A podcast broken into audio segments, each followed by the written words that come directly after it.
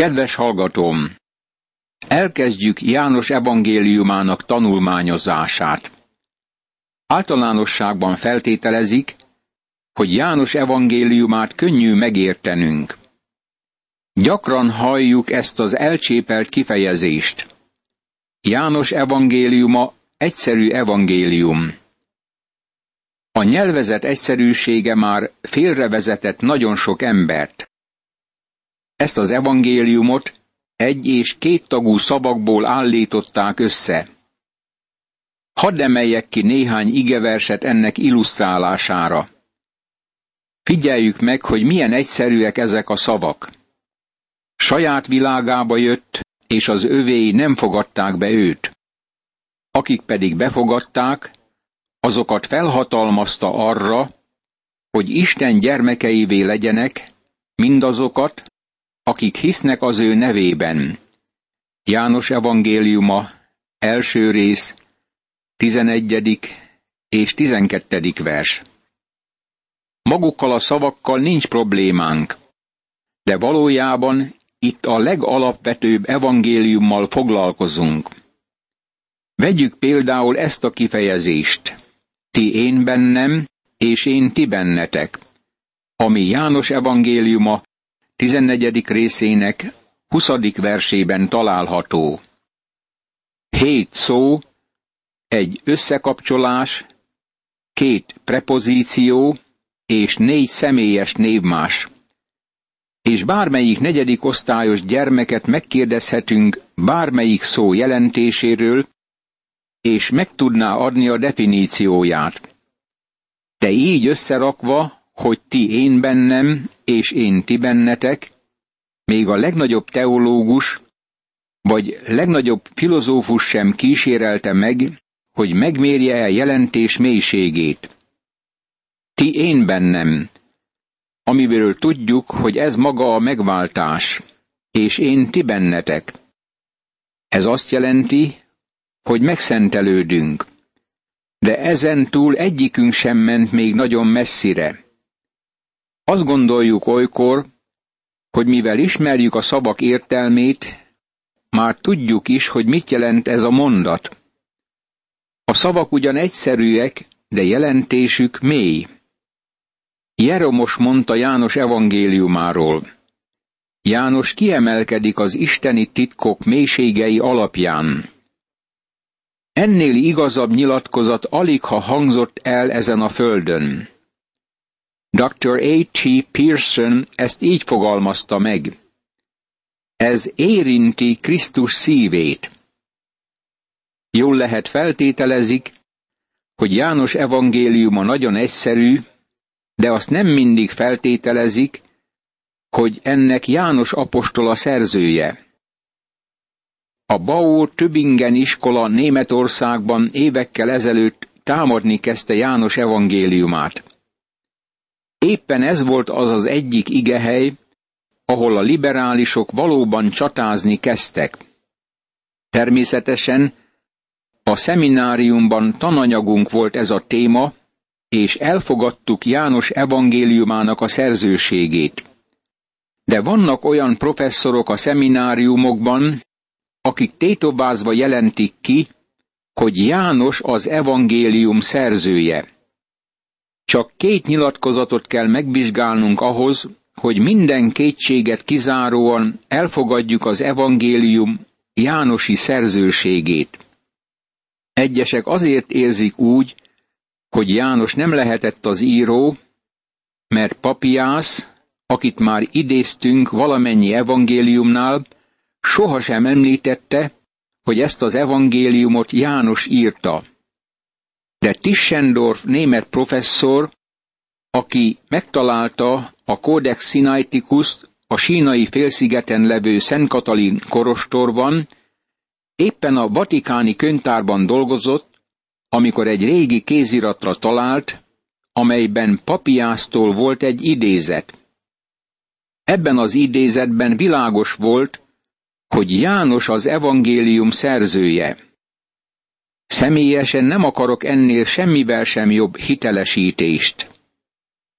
Alexandriai Kelemen is, aki körülbelül Krisztus után 200 táján élt, azt a nyilatkozatot teszi, hogy Jánost meggyőzték barátai arról, és ugyanakkor Isten lelke is arra késztette, hogy írja meg az evangéliumot.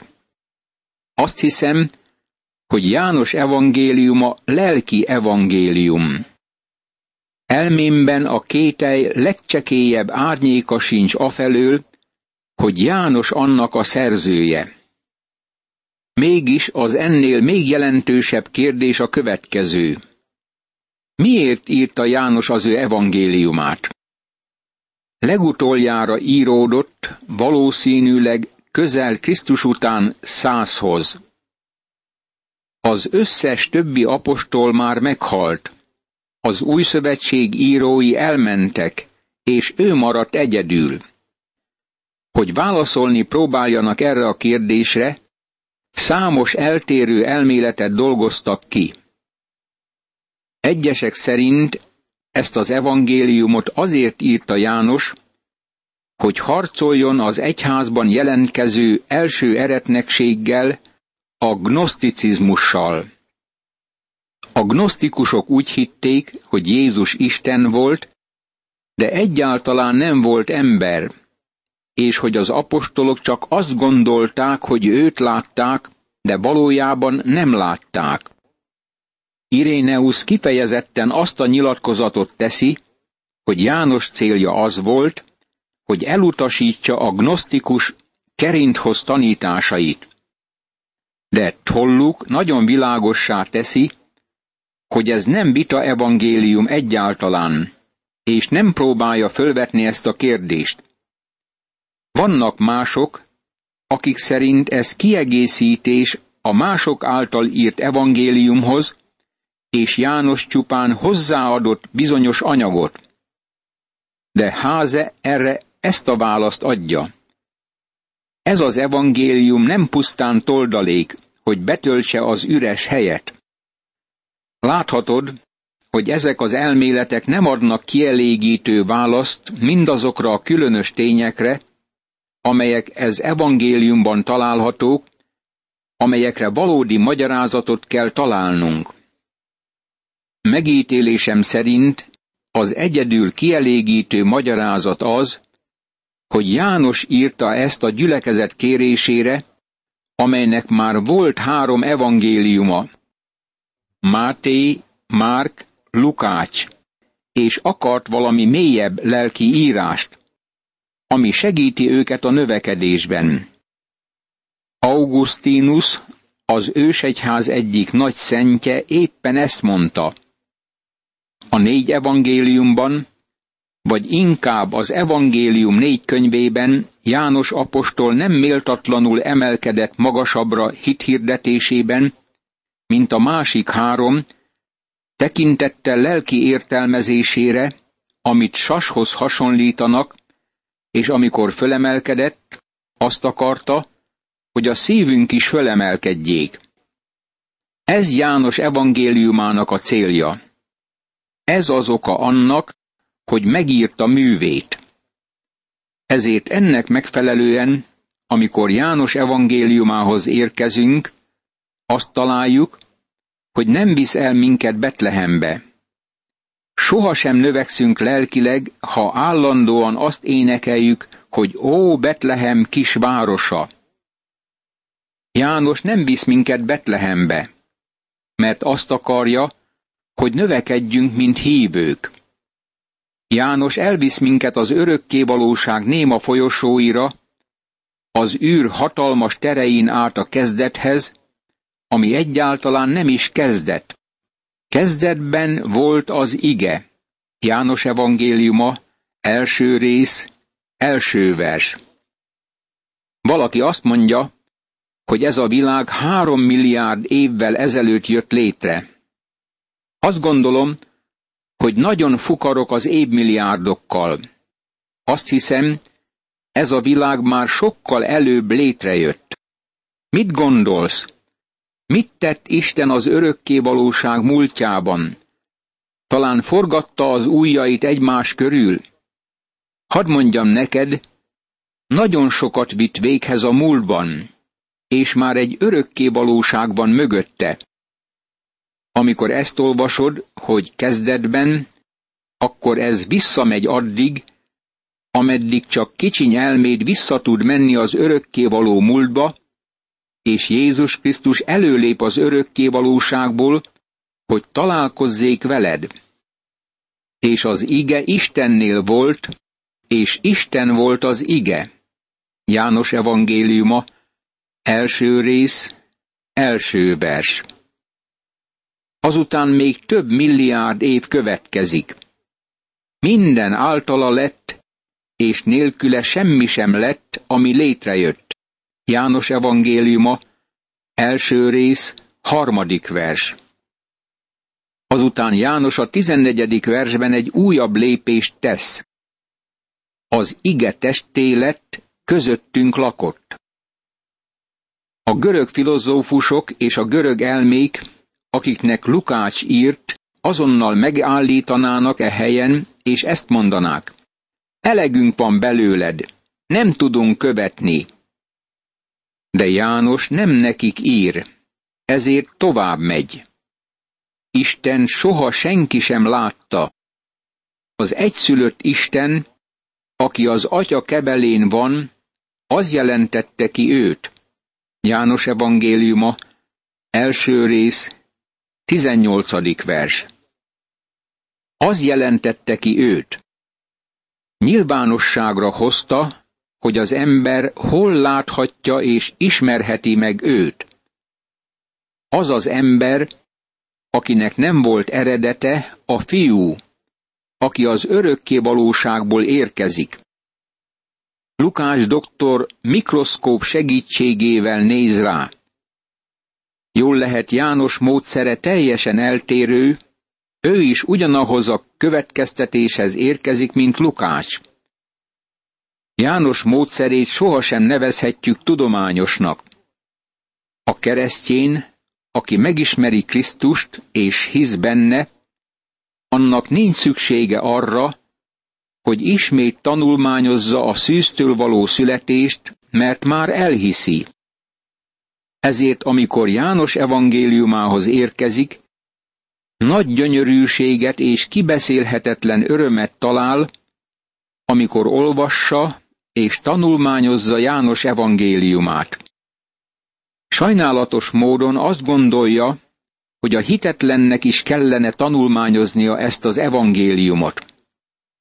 Rájössz, hogy János evangéliuma sokkal többet ír az emberi tevékenységről, mint bármelyik evangélium. Végeredményben vajon az átlagos keresztény egyszerű evangéliumnak tekinti? Tényleg olyan egyszerű? Nem, hanem nagyon is mély. Ez hívőknek szól. Ez segít nekik a növekedésben. Amikor egy nagy gyülekezet lelkipásztoraként szolgáltam, volt egy orvos barátom, aki pozíciójánál fogva diákokat vihetett el egy bibliaosztályba. Tudod, mit tanított nekik azon a helyen? Igazad van, János evangéliumát. Ezt mondta. Tudod, meglepem ezeket a fiúkat az első fejezettel. Több héttel azután találkoztam vele, és megkérdeztem tőle, hogy miként halad a bibliaosztály. Ezt mondta, kezdik föladni. Végül is olyan iskolába jártak, ahol mindent kémcsőbe tettek, és mikroszkóp alatt vizsgáltak. Így válaszoltam. Miért nem Lukács evangéliumát választottad? Ezt mondta. Mert egy egyszerű evangéliumot akartam velük megismertetni. Nem sikerült. János nem egyszerű, nagyon mély. Ez hívőknek szól. Volt egy szemináriumi professzor ezen a területen nem is olyan régen, akit megkértek arra, hogy tanítsa a Bibliát üzletemberek csoportjának ebédidőben. Ugye kitalálod, hogy melyik könyvet tanította? Igazad van. Ezt mondta. Nem túl sokat tudnak, ezért oktatom nekik János evangéliumát. Bár csak Márk evangéliumát vitte volna elébük. Az az evangélium a cselekedetek, az erő, az erős emberek evangéliuma. Ehelyett János evangéliumát oktatta nekik. János evangéliuma azoknak való, akik már hisznek. Amikor elérkezel a tizenharmadik, majd a tizenhetedik részhez, akkor egy jelzést tehetsz annál a helynél. Csak hívőknek, és még hozzáírhatod. Mindenki más maradjon kívül. Nem gondolom, hogy az a szakasz valaha is nem hívőknek szólt volna. Jézus bevitte az övéit a felső szobába, és olyan kijelentéseket adott át nekik, amelyek segítségével növekedhettek. Egyetlen evangéliumi író sem adott nekünk ilyet. Miért? Mert ők evangélisták, akik bemutatják Krisztust, mint a világ megváltóját. Valaki talán megkérdezi, de János nem ugyanezt cselekszi? Igen, ezt cselekszi, de elsődlegesen a hívők növekedése érdekében ír. János többet ír Krisztus feltámadásáról, mint a többi evangélista. Valójában többet ír, mint az összes többi együttvéve. Pálapostól mondta, hogy jól lehet, mi ismertük Krisztus test szerint, többé nem ismerjük őt ilyen módon. Ehelyett úgy ismerjük őt, mint feltámadt Krisztust. Ezért János igyekszik leírni Jézus megjelenéseit a feltámadás után, és hét ilyen megjelenést említ. Az első volt a legdrámaibb, amint megjelent Magdalai Máriának a kertben. A második az volt, hogy megjelent a tanítványoknak a felső szobában, Tamás távollétében.